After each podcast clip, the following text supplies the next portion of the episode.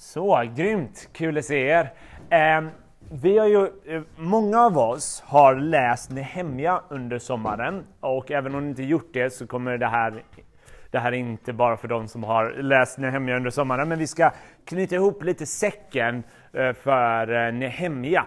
Och om det är så ni har i bibel eller telefon får ni gärna slå upp Nehemja 13 för jag har tänkt läsa ett långt stycke och det är lite som ett avslut av att läsa Nehemja tillsammans, fast nu gör vi det faktiskt tillsammans. Så det är ett längre stycke och jag vill redan säga, det här är ett konstigt kapitel. Och det är med meningen med att det ska vara ett konstigt kapitel. Jag kommer prata lite om just att Nehemja 13 är ett speciellt kapitel. Eh, så jag bara låter er eh, slå igång era biblar eller slå upp dem. Så kommer jag läsa från vers 4 i kapitel 13.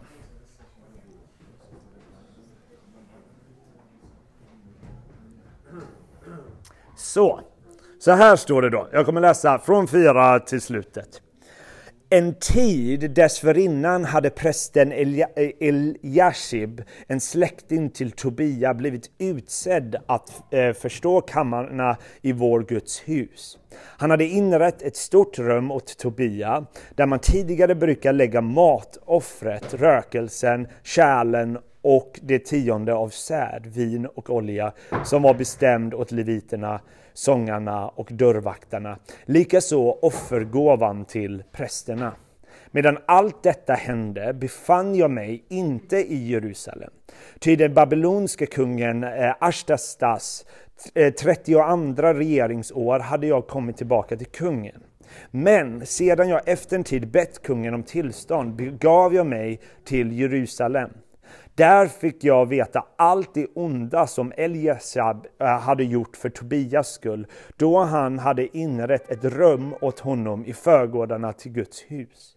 Jag tog mycket illa vid mig och lät kasta allt Tobias bohag ut ur rummet. Därefter befallde jag att man skulle rena rummen och där ställde jag åter in kärlen i Guds hus och matoffret och rökelsen. Jag fick också veta att man inte gett leviterna deras andel. Leviterna och sångarna hade därför återvänt var och en till sitt jordstycke istället för att sköta sin tjänst. Jag förebrådde föreståndarna detta och sa varför har Guds hus blivit försummat? Jag hämtade dem tillbaka och lät dem inställa sig på sina platser. Hela Juda förde fram sitt tionde av säd, vin och olja till förrådshusen. Jag satte prästen Sel Selmeja och Sadok, den skriftlärde och Pedaja, en av leviterna till förvaltare över förrådshusen och gav dem som hjälp till Hanan, son till Sakur, son till Matanja.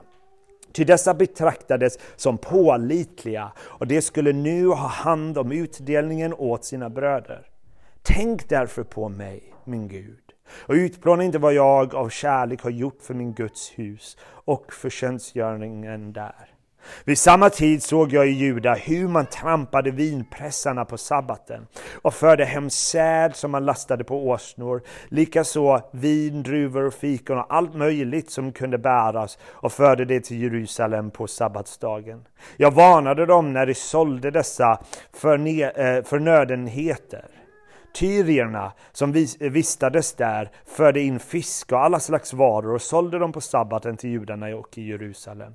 Då förberedde jag de förnämna männen i Juda och sa till dem, hur kan ni handla så illa och vanhelga sabbatsdagen? Var det inte därför att er fäder gjorde sådant som Gud lät alla dessa olyckor komma över oss och denna stad? Och nu drar ni ännu mer vrede över Israel genom att vanhelga sabbaten. Så snart det började bli mörkt i Jerusalems portar före sabbaten befallde jag att man skulle stänga dörrarna och att de skulle öppnas förrän efter sabbaten. Jag ställde några av mina tjänare på vakt vid portarna för att inga varor skulle kunna föras in på sabbatsdagen. Då stannade köpmän och försäljare av alla slags varor utanför Jerusalem över natten, och det eh, både, eh, både en och två gånger. Men jag varnade dem och sa till dem, varför övernattar ni framför muren? Om ni gör så en gång till ska jag låta min hand drabba er. Från den stunden kom det inte mer på sabbaten. Jag befallde leviterna att de skulle rena sig och komma för eh, att hålla vakt vid portarna så att sabbaten kunde hållas helig. Tänk också därför på mig, min Gud, och förbarma dig över mig efter din stora godhet. På den tiden såg jag också judiska män som hade tagit till sig asdoditiska, ammonitiska och moabitiska kvinnor. Hälften av deras barn talade asdoditiska eh, eller något av de andra folkens språk och kunde inte tala judiska. Det förebrådde jag dem eh, detta och förbannade dem och några slog jag och drog i håret. Jag lät dem svära vid Gud och sa, ni skall inte ge era döttrar åt deras söner och inte deras döttrar till hustru hustrur åt era söner eller åt er själva. Var det inte just så som Salomo, Israels kung, syndade? Det fanns bland de många hedna folken ingen kung lik honom, och han var älskad av sin Gud, och Gud satte honom till kung över hela Israel, men också honom förförde de främmande, de främmande kvinnorna till synd. Och nu hör vi om er att ni har gjort så mycket ont och varit otrogna mot vår Gud genom att ni gift er med främmande kvinnor.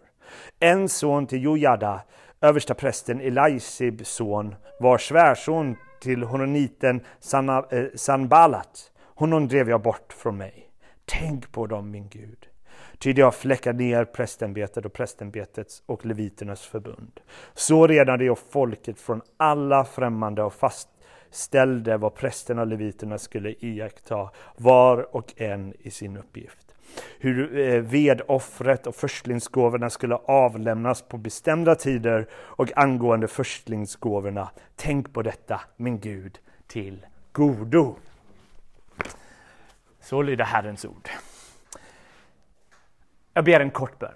Herre, vi ber att du öppnar våra hjärtan för ditt ord, Herre. Och eh, Herre, vi ber att du ska göra ditt verk denna stund. I våra hjärtan, i våra tankar, i våra liv, i våra känslor, Herre. I Jesu namn. Amen. Så, nu har vi läst ett speciellt kapitel, långt kapitel och det händer många konstiga grejer. Den är hemma, kastar möbler, han drar folk i skäggen och håret. Och det är lite förvirrande kapitel och jag kommer prata strax om varför det här kapitlet är så märkligt. För jag tror den gör en väldigt viktig poäng. Men innan vi går dit så så eh, för 500 år sedan så hände en av de viktigaste händelserna i kyrkans historia, i vår familjehistoria.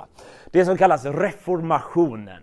Några av er eh, såg häromdagen när jag hade mina Luther-socks där jag hade eh, Christian sa bland annat ett tyskt citat på, av Luther. Stort Luther-fan här. Eh, men en av de viktiga principerna som reformationen tog med var någonting som kallades semper reformanda. Det är ett fint latinskt sätt att säga ständig reformation. Vad man menade med det var att reformatörerna fattade att förnyelse, förvandling, reformation är inte bara en specifik händelse och så lever vi på det. Det är en inbjudan till ett liv som ständigt formas, ett liv som ständigt reformeras. En, en, en hållning, en position där man bjuds in till att förnyas på nytt. Och jag tror sista kapitlet i Nehemja adresserar just behovet av ständig reformation. Så under sommaren har många av oss läst Nehemja. Vi har gjort det tillsammans i, som kyrka för de som vill. Helt frivilligt har det varit. Så om du inte gjort det är det eh, du kanske läst något annat spännande eller inte läst inget alls och det är helt okej. Okay. Eh, men vi valde Nehemja för det här är en annorlunda bok i Bibeln. Det är inte den bok man vanligtvis slår upp. Men vi tror att det är en bok som har någonting att säga. Framförallt för den är med i Bibeln. Den är utandad av Gud, det är Guds ord. Och den är till uppbyggelse för oss. Men vi tror också att den tid vi lever i så, så har denna bok en viss relevans. För boken handlar om att Israel har varit i en väldigt märklig position där de varit isolerade från varandra. Men nu får de komma tillbaka i en ny tid för att byggas upp på nytt. Det är en berättelse om en ny start, ett återbyggande. Och, och, och, vi tror att kyrkan allmänt idag, inte bara centrum, men alla kyrkor på ett sätt håller på att byggas upp lite på nytt efter en pandemi. Eh, så jag vill bara ge en liten överblick av Nehemja som bok. Då. Vad, vad är Nehemjas budskap? Varför är den med i Bibeln? För innan man kommer till boken Nehemja så har Israel varit med om en utmanande period. Gud hade valt ut Israel till att vara världens ljus. Men om man läser Gamla Testamentet så märker man att Israel om och om igen väljer att gå i revolt mot Gud. De väljer att inte förtrösta på Gud, inte lita på honom och gör rätt hemska saker. Och Gud varnar dem om och om igen att om ni fortsätter denna spiral så kommer jag behöva slänga ut er ur det land jag har givit er. Och till slut så, så blir det så illa så att israeliterna till och med tillber guden Molak, där de offrar barn till denna gud. Och det är som att droppen, det är sista droppen och Gud sänder ut Israel ur sitt land. Och han låter ett främmande rike, Babylon, ta över detta rike. Och då är Israel i en period som kallas exilen i 70 år. Men under dessa 70 år så ger Gud löften till Israel att exilen kommer inte ha sista ordet. Ni ska få komma hem. Och boken Esra och Nehemja, de var förmodligen en enda bok från början, men vi har, vi har gjort dem till två böcker. De är berättelsen, de berättar berättelsen när Israel får komma hem igen. För det är en persisk kung som tar över Babylon och han bjuder in israeliterna att få bo i sitt land igen. Det är fortfarande Persien som har makten, eh, men de får bo där igen. Så boken Esra berättar om hur, hur israeliterna får komma hem igen och de får bygga upp templet som förstördes av Babylon. Sen kommer vi till Nehemja. Och Nehemja så följer vi en man som heter Nehemja.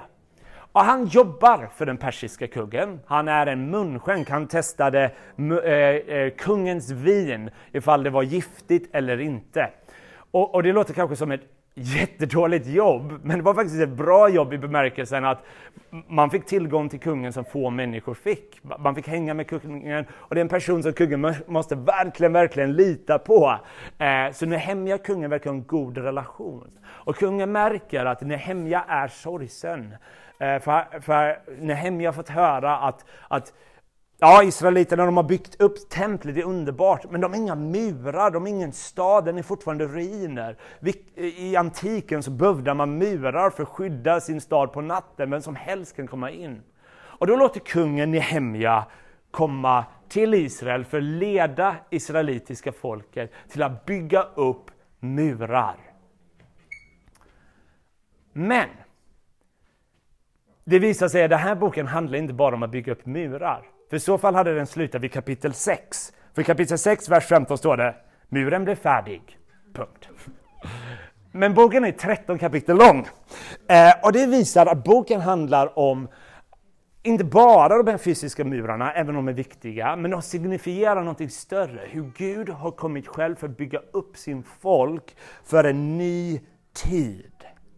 För när Esra och Nehemja kommer till Israel så märker man att folket, de, de känner inte till Guds ord längre. De följer inte Guds ord, de, de är förvirrade, de lever i, på väldigt konstiga sätt, de lever med, liksom behandlar de som har det svårt utsatt på väldigt orättvisa sätt. Och så vad Esra och Nehemja gör är att de leder folket in i, i en ny tid. Man kan kalla det en reformation. Man kan till och med kalla det liksom en, en förnyelse där folket får ehm, eh, ledas och riktas om på nytt. På ett sätt kan man beskriva det här som en väckelse, för folk väcks upp och de finner glädje i Gud på ett sätt de inte har gjort. Och man kan säga att när man läser Nehemja så är det fyra punkter som verkar vara väldigt viktiga för den här förnyelsen, för denna reformation, för denna eh, väckelse. Jag vill använda de här tre orden, förnyelse, eh, som är lite mer allmänt, eh, reformation, någonting som formar om, och väckelse, där det är flera som väcks upp på något sätt. Och Nehemja nämner fyra moment som jag tror att om man kollar historiskt så finns då alla dessa fyra moment alltid i, liksom, i tider av reformation, tider av väckelser. De här fyra punkterna jag kommer nämna väldigt kort är inte så här ja, bara om vi följer dessa så kommer väckelse eller någonting sånt här. Men det här är fyra punkter som verkar alltid vara avgörande. Första punkten som vi ser i Nehemja är att folket blir förundrade av Guds ord. I kapitel 8 så märker man att Guds folk hade tappat bort Guds ord. De hade inte läst det. Men det beskrivs så här i kapitel 8, vers 1. De hade byggt upp muren och så står det så här. När sjunde månaden kom och Israels barn bodde i sina städer samlades folket som en enda man på torget framför vattenporten. De bad Esra, den skriftlärde, att hämta Mose lagbok som Herren hade gett Israel. Så Esra, som, som är en präst, kommer upp, ska läsa Guds ord och hela folket är där. Och han läser ordet i typ fem timmar och folk bara förundrade. Och det står så här i vers 3. Från tidig morgon till middagen inför män och kvinnor och alla som kunde förstå och hela folket lyssnade till lagboken. Och det beskrivs hur de står där och förundras av Guds ord. Och, och vi har nog förmodligen hört om och om igen, det är så viktigt att läsa din bibel, så det kan vara tröttsamt, och det kan kännas som krav, man känner att jag försöker, och det är väldigt svårt och det är väldigt tufft. Och man, eh, det är inte helt lätt att läsa Bibeln, men jag vill ändå bara säga kort och påminna er om att Guds ord är levande och verksamt. Det är mäktigt. Även när vi inte känner saker så är det mäktigt. Om du har svårt att läsa det själv, lyssna på det. Läs det med andra, tillsammans. För jag tror verkligen Guds ord är levande och verksamt. Det gör saker. Jag tror att alla tider av förnyelse och reformationer har börjat med att folk har gått tillbaka till ordet och insett om Gud är på riktigt, är det här på riktigt? Om man känt, Herre, gör det igen. Gör det igen. Så tror jag alla tider av förnyelse och reformationer har börjat. Guds folk tillsammans under hans ord som säger, gör det igen. Den andra stora punkten man ser i Nehemja, eh, man ser det i första kapitlet inte minst, i Nehemja, är bekännelse av synd. Man vill omvända sig från en destruktiv värld, en, en, en väg som inte är i linje med Guds vilja. Så det står till exempel i kapitel 1, vers 6, så säger Nehemja själv, Dag och natt ber jag till dig för Israels barn, dina tjänare, och bekänner de synder som vi, Israels barn, har begått mot dig. Också jag och min faders hus har syndat. Vad folket gör är att de vill vända sig till Gud. Och då inser jag att Gud är värd att lita på med våra liv. Att de inser att do it my way håller inte i längden. Så alla tider av förnyelser är tider där folk vill vända från en liv utan Gud till med Gud.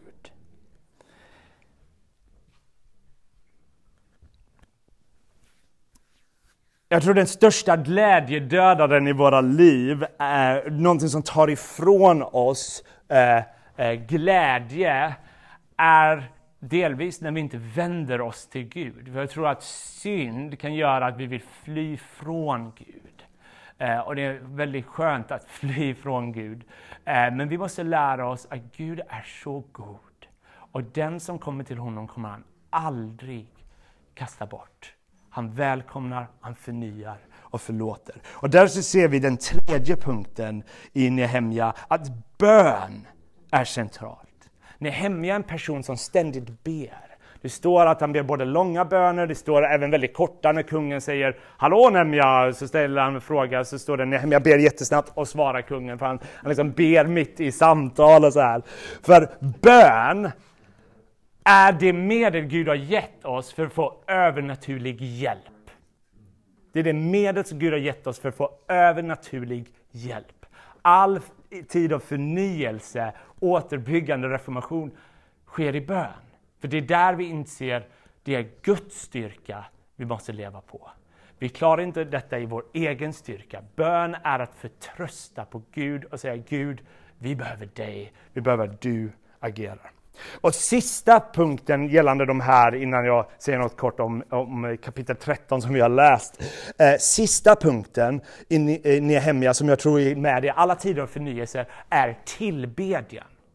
Så om ni läser kapitel 12, näst sista kapitlet, så är det världens största fest. Det är som att alla tar med varsitt instrument och de typ marscherar runt staden, runt muren och bara prisar Gud. Varenda vrå ska få höra tillbedjan av Gud. De gläds i Gud och det beskrivs som en glädjefest. Så i kapitel 12, vers 43 står det så här. På den dagen bar de fram stora offer och gladde sig, för Gud hade gett dem stor glädje.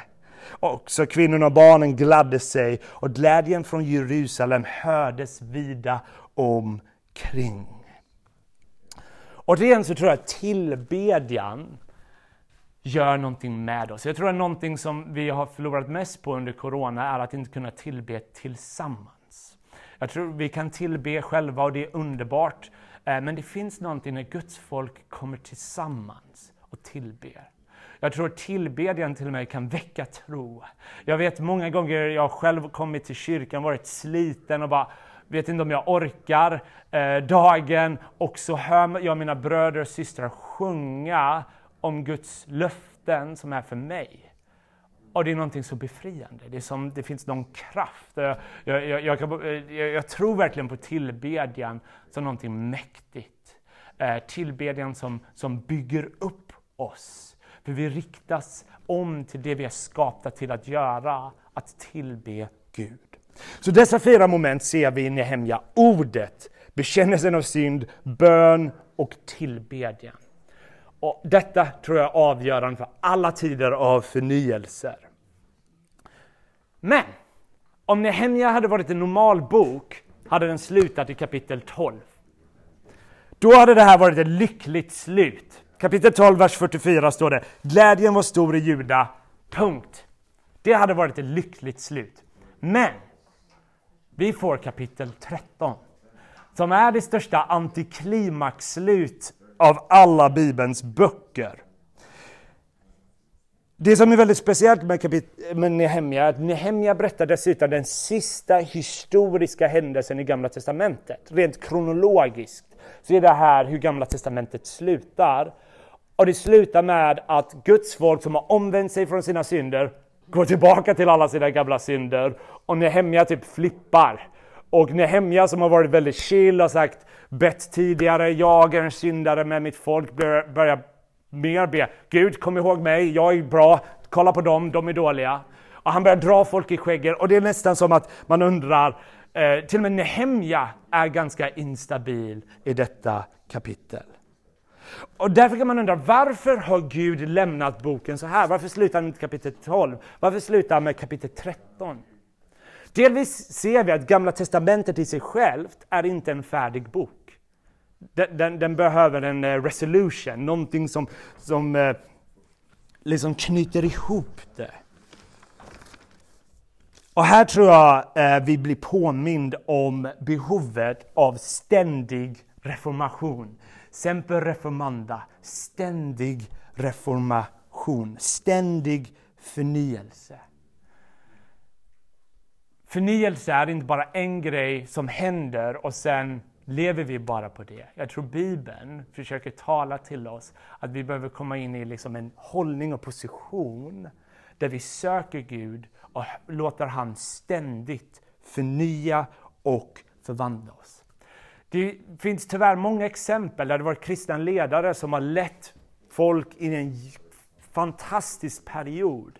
men blivit lite gammal och känt lite avundsjuk över den yngre generationen kanske, som kan göra grejer som den personen inte längre kan. Och sen gör han någonting dumt som nästan sabbar allt han har byggt upp.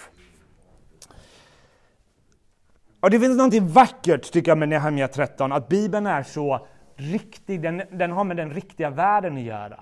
Bibeln är inte bara, här får du ett vackert collage med lite blommor och en liksom motivationsord för dagen. Det finns jättemycket motivationsord, men den berättar livet och hur rörigt och trasigt livet kan vara. Men på något sätt så visar den hur Jesus är lösningen på det och får allt att make sense ändå. Men vad jag tror vi lär oss att även om vi möter tider av väckelse, säg om vi skulle ta del av det, eh, förnyelse som jag hoppas att vi är del av redan nu, eh, så tror jag att kapitel 13 i Nehemja lär oss att när förnyelse sker kommer alltid motstånd. När Gud vill claima någonting så kommer den onda för att counterclaim samma sak.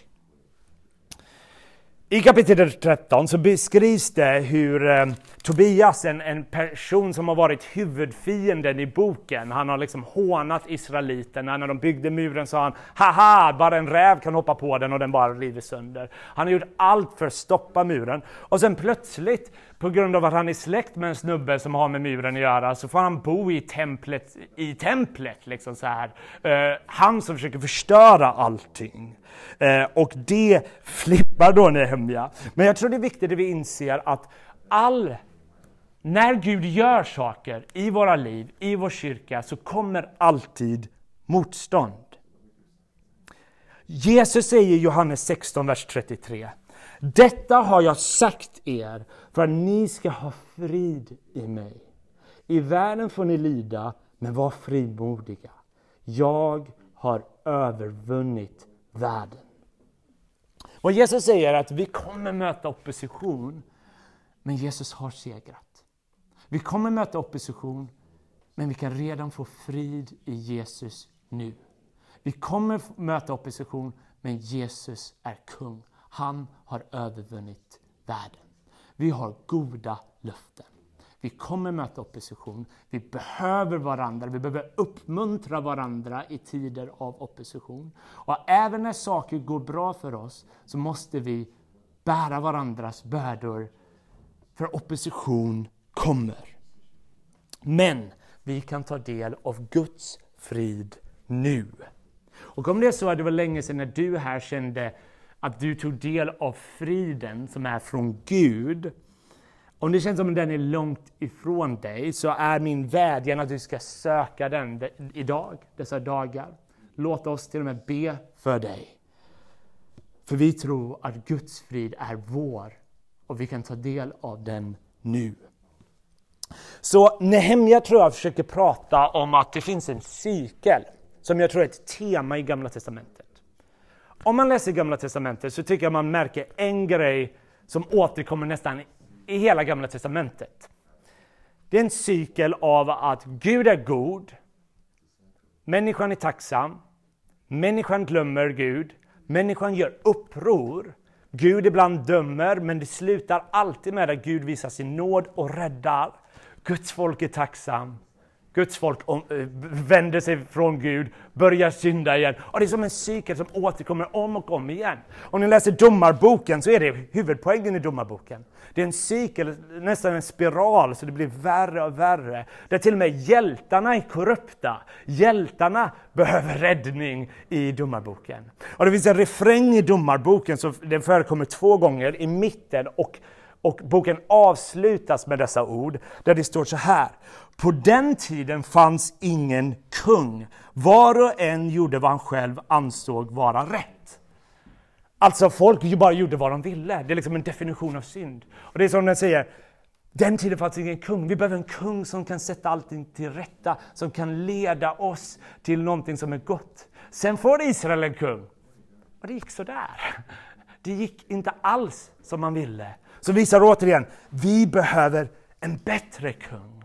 En som, in, en som är bättre än David och Josia, alla de här som är de bättre kungarna i Gamla Testamentet. Och den här cykeln är som att man får höra vi måste göra upp med den på något sätt. Så profeterna, till exempel Hesekiel, profeterar om att en dag kommer Gud göra någonting nytt. Han kommer ge sin heliga ande i människors hjärtan och det kommer göra nya saker. Och Det är där vi kommer till Nya Testamentet, som jag tror är berättelsen där Gud kommer för att bryta denna cykeln. I Nehemja kapitel 13, vers 3 finns en fras där som jag tycker nästan sammanfattar hela Bibelns berättelse. Där det står Vår Gud vände förbannelsen till välsignelse. På ett sätt är det Bibelns story. Förbannelse är egentligen del av vår synd och världens trasighet.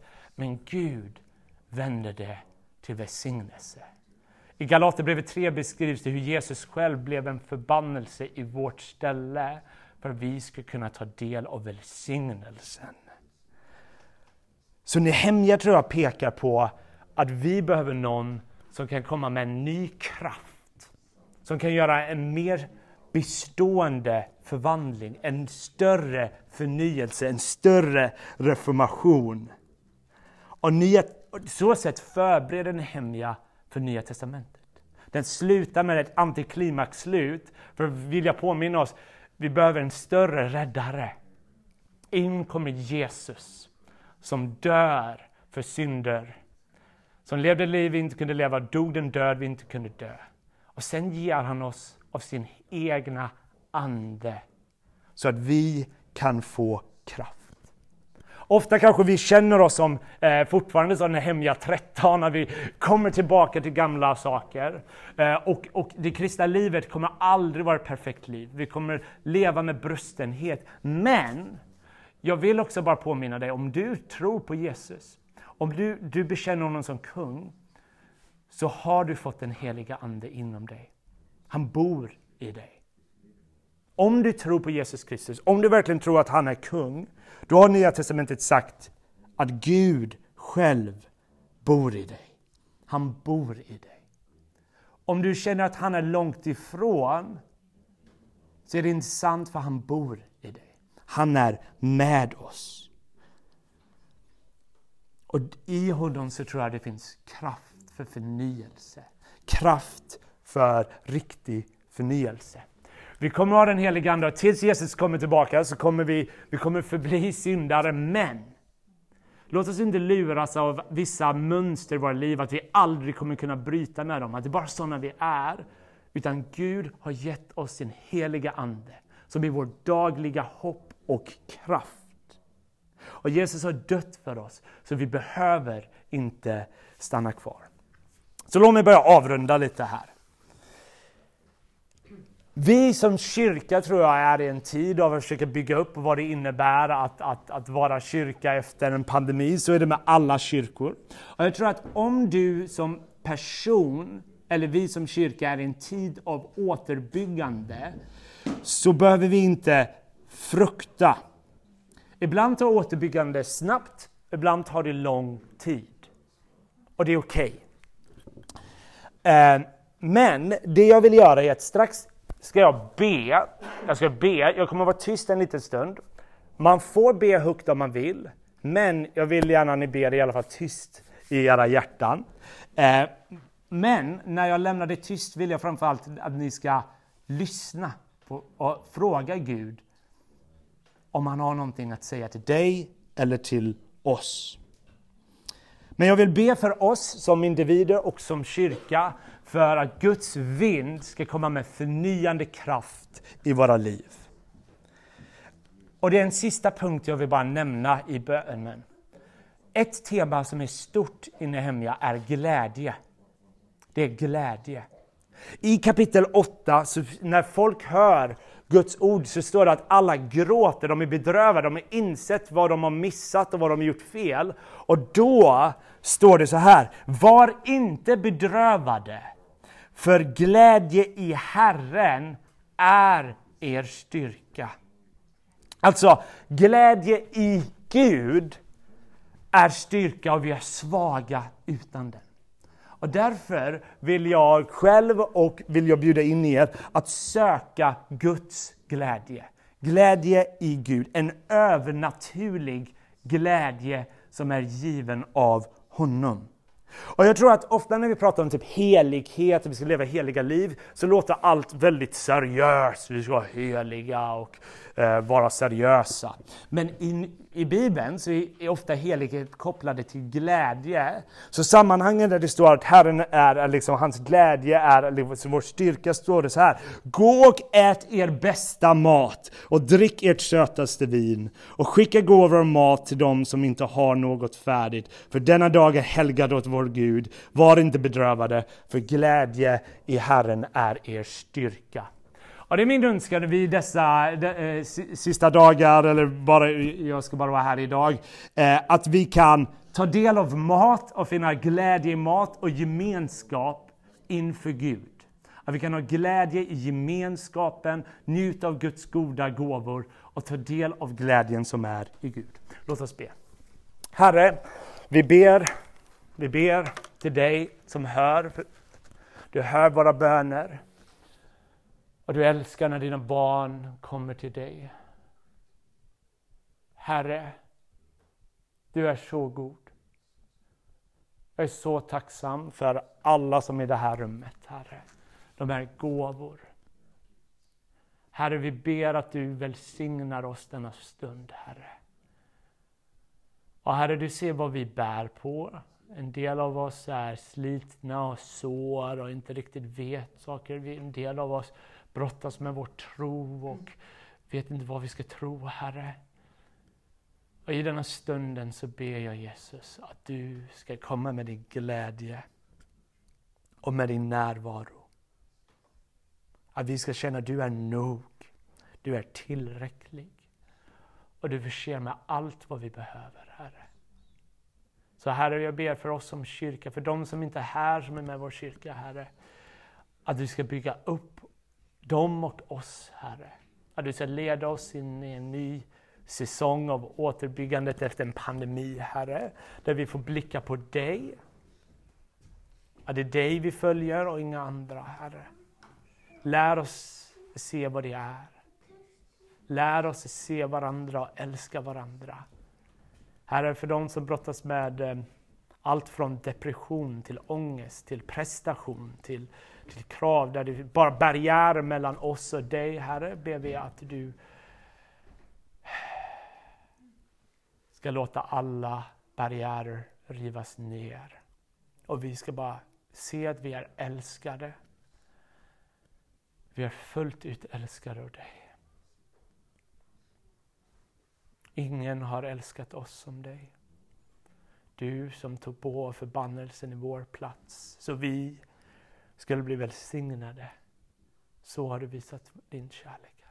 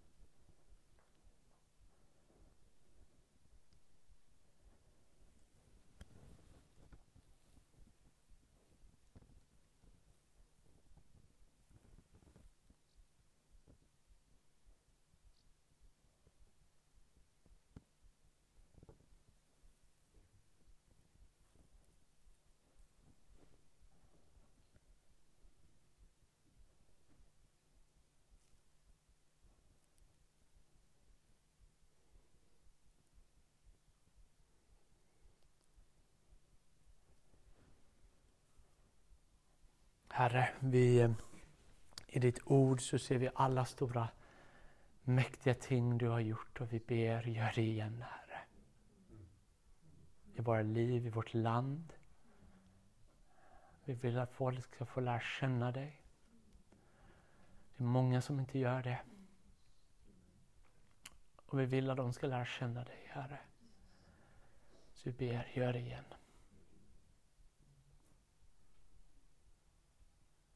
I Jesu namn ber vi. Amen. Amen. Gott, då eh, är det fika om tio minuter eh, där nere. Så ses vi där borta.